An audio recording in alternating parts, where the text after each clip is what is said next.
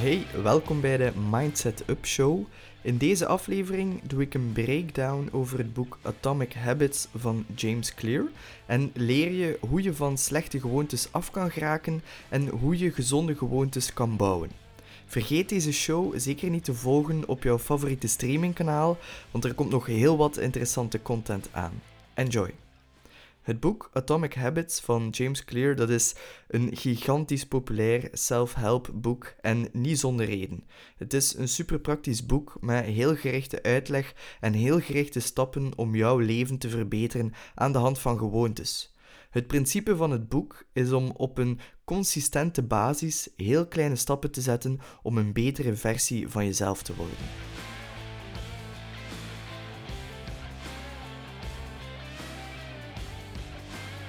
Laat ons beginnen bij de fundamenten van Atomic Habits en waarom kleine veranderingen zo'n grote verschillen kunnen maken. Gewoontes zijn de compound interest van persoonlijke ontwikkeling. En als je voor één jaar iedere dag 1% beter wordt, dan ga je op het einde van dat jaar 37 keer beter geworden zijn. Ik herhaal, als je voor één jaar iedere dag 1% beter wordt, dan ga je op het einde van dat jaar 37 keer beter geworden zijn.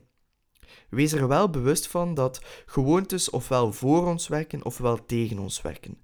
Als je goede en gezonde gewoontes hebt, dan gaan die uiteindelijk voor jou werken. Maar als je ongezonde gewoontes hebt, ja, dan gaan die uiteindelijk tegen jou werken.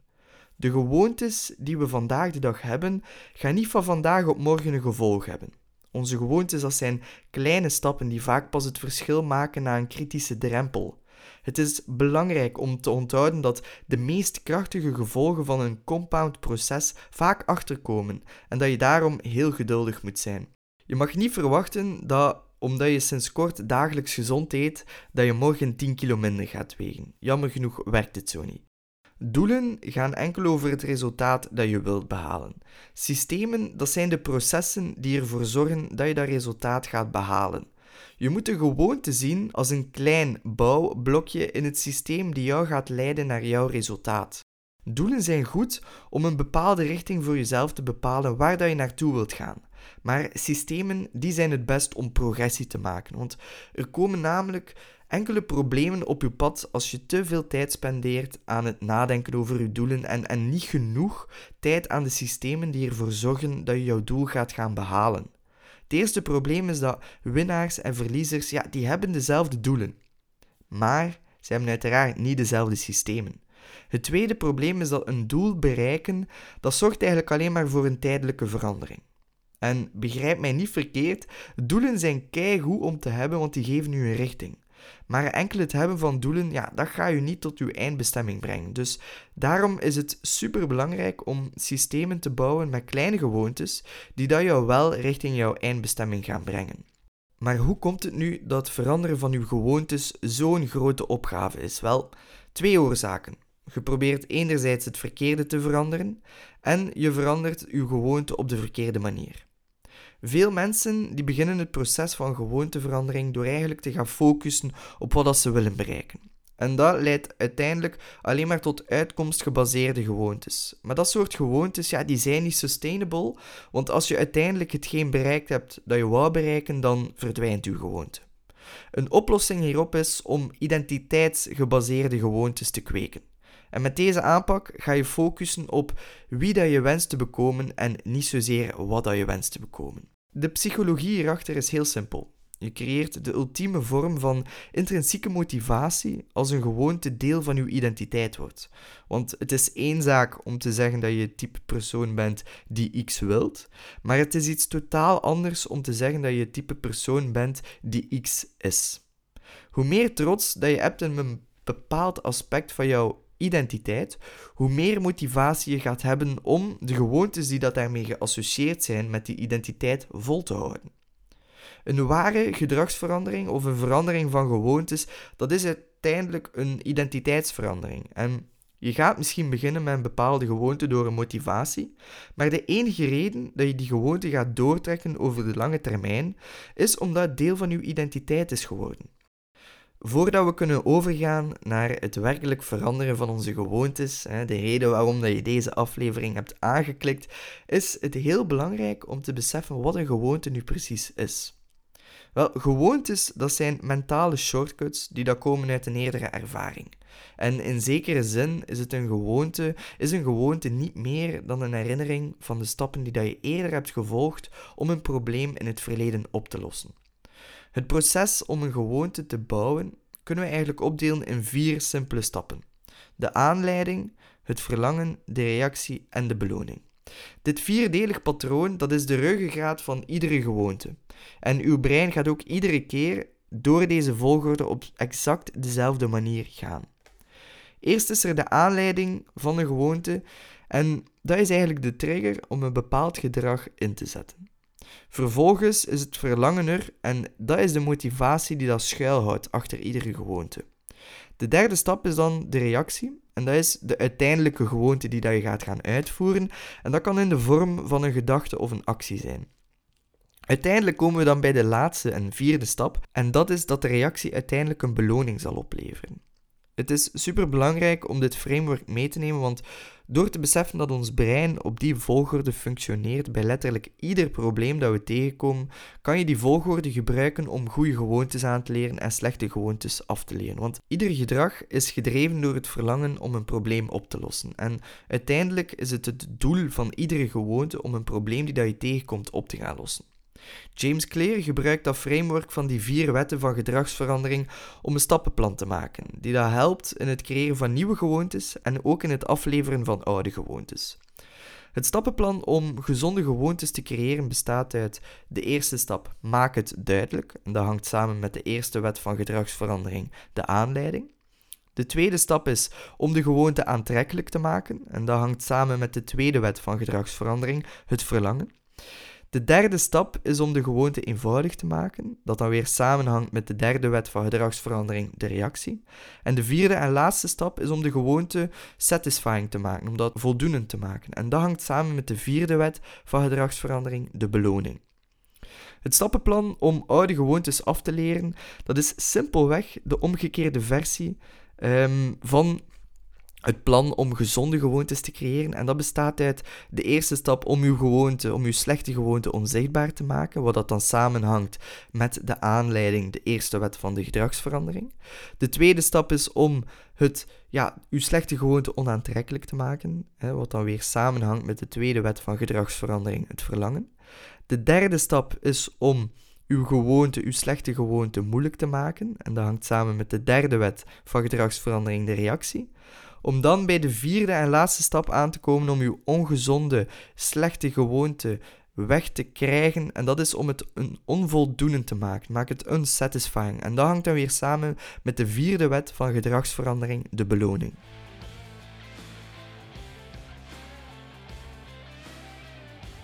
De eerste stap om een nieuwe gewoonte te bouwen is om ze duidelijk te maken. Dankzij ons onderbewustzijn hebben we het eigenlijk niet altijd door als we een bepaalde handeling of een bepaalde gewoonte uitvoeren. En eenmaal dat onze gewoontes automatisch zijn, ja, dan stopt ons bewustzijn met aandacht geven aan wat we aan het doen zijn. Het proces van gedragsverandering dat begint altijd met bewustmaking. Maakt niet uit hoe dat je draait of keert, het begint altijd met bewustmaking. Je moet je bewust zijn van welke gewoontes dat je vandaag de dag al hebt, voordat je ze uiteindelijk kunt gaan veranderen.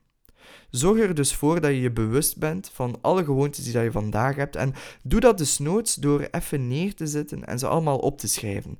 Dat is echt waar de effectiefste manier om je bewust te zijn van alle gewoontes, goed en slecht, die dat je vandaag de dag hebt. In de worksheet of samenvatting van deze aflevering in de beschrijving vind je ook een linkje naar een template waarmee dat je jouw gewoontes kan gaan scores geven en opschrijven. Dus de eerste wet van gedragsverandering is om uw gewoontes of uw gedrag duidelijk te maken. En strategieën zoals implementatie, intenties en gewoontestekking, dat zijn de meest praktische manieren om duidelijke aanleidingen te creëren voor jouw gewoontes. De implementatie, intentie, dat is een strategie die je kan gebruiken om een nieuwe gewoonte aan een bepaalde tijd of locatie te hangen. En de formule hiervoor is: ik zal gewoonte X uitvoeren om dat uur op die locatie.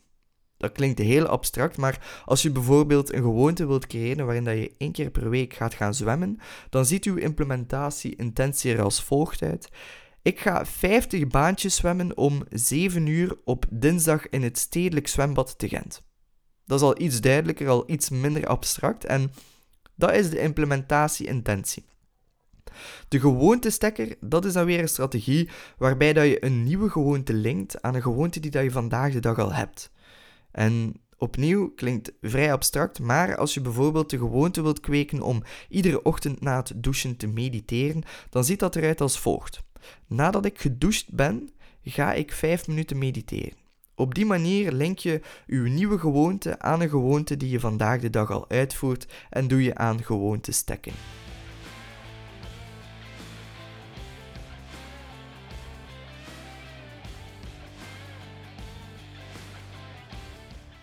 De tweede stap om een nieuwe gewoonte te bouwen is om ze aantrekkelijk te maken.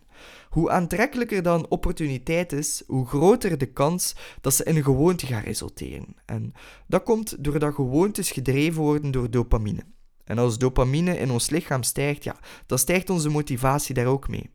We kunnen onze gewoontes aantrekkelijker maken door de strategie van verleidingskracht te gebruiken. En bij deze strategie link je de gewoonte die dat je moet kweken aan iets dat je graag wilt doen. Dus in theorie mag je enkel hetgeen wat je echt wilt doen pas doen nadat je jouw nieuwe gewoonte uitgevoerd hebt.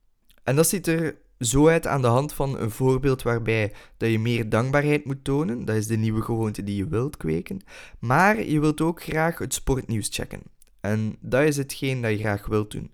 Dus uw strategie van verleidingskracht ziet er dan zo uit. Hè? Nadat ik vier zaken heb opgeschreven waarvoor ik dankbaar ben, dan pas mag ik naar het sportnieuws kijken. Een andere manier waarop dat je uw gewoonte aantrekkelijker kan maken, is door van omgeving te veranderen. Want als een gewoonte ons respect, lof of aanvaardbaarheid oplevert, dan vinden we dat ook aantrekkelijk. En een van de meest effectieve dingen die je kan doen om betere gewoontes te gaan bouwen, is door een bepaalde cultuur, een bepaalde groep te joinen, waarbij dat uw gewenst gedrag al het normale gedrag is. En doordat je anderen uw gewoonte op dagelijkse basis ziet uitvoeren, ga je dat ook waarnemen als uiterst haalbaar. Gewoontes die zijn aantrekkelijk als we ze associëren met positieve gevoelens en ook onaantrekkelijk als we ze associëren met negatieve gevoelens. Hoe dat je dat kan gaan gebruiken in uw voordeel is door een ritueel te creëren waarbij dat je iets doet waar dat je positieve gevoelens van krijgt. En voer dat ritueel dan net uit voordat je een moeilijke gewoonte gaat uitvoeren. Doordat je altijd eerst die positief, um, die, die, dat motivatieritueel gaat gaan uitvoeren voordat je die moeilijke gewoonte uitvoert, ga je uiteindelijk ook positieve gevoelens associëren met die gewoonte en gaat het uiteindelijk aantrekkelijk zijn om ze uit te voeren.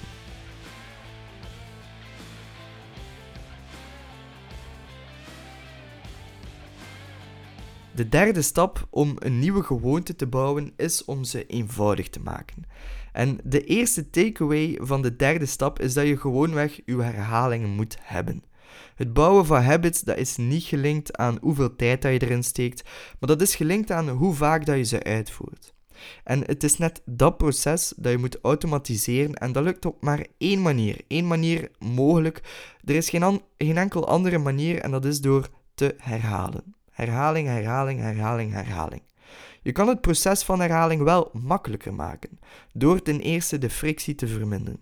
Zorg ervoor dat er zo weinig mogelijk stappen zijn tussen nu en uw goede gewoontes. Door de frictie te verlagen ga je veel meer tijd en energie besparen, waardoor dat je meer gedaan krijgt met minder moeite. De derde, ten tweede kan je uw omgeving gaan beïnvloeden op een manier waarbij dat je het zelf, jezelf gemakkelijker maakt om een gewoonte uit te voeren.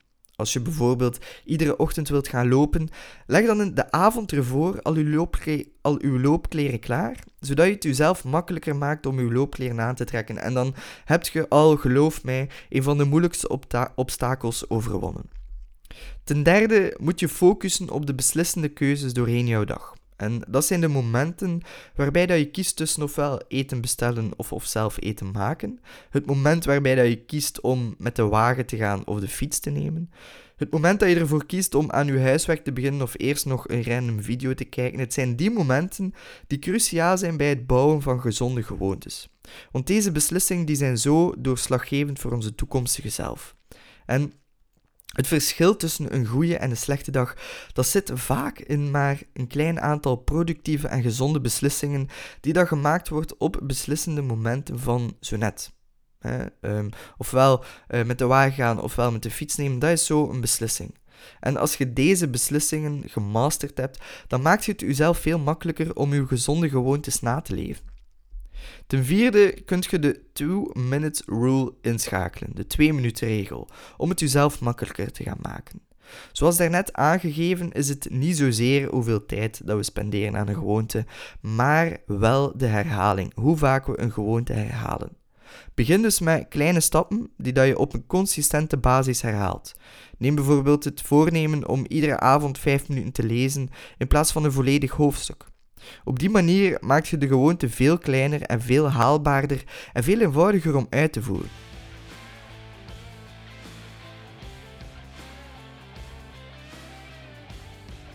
De vierde en laatste stap om een nieuwe gewoonte te bouwen is om ze satisfying te maken.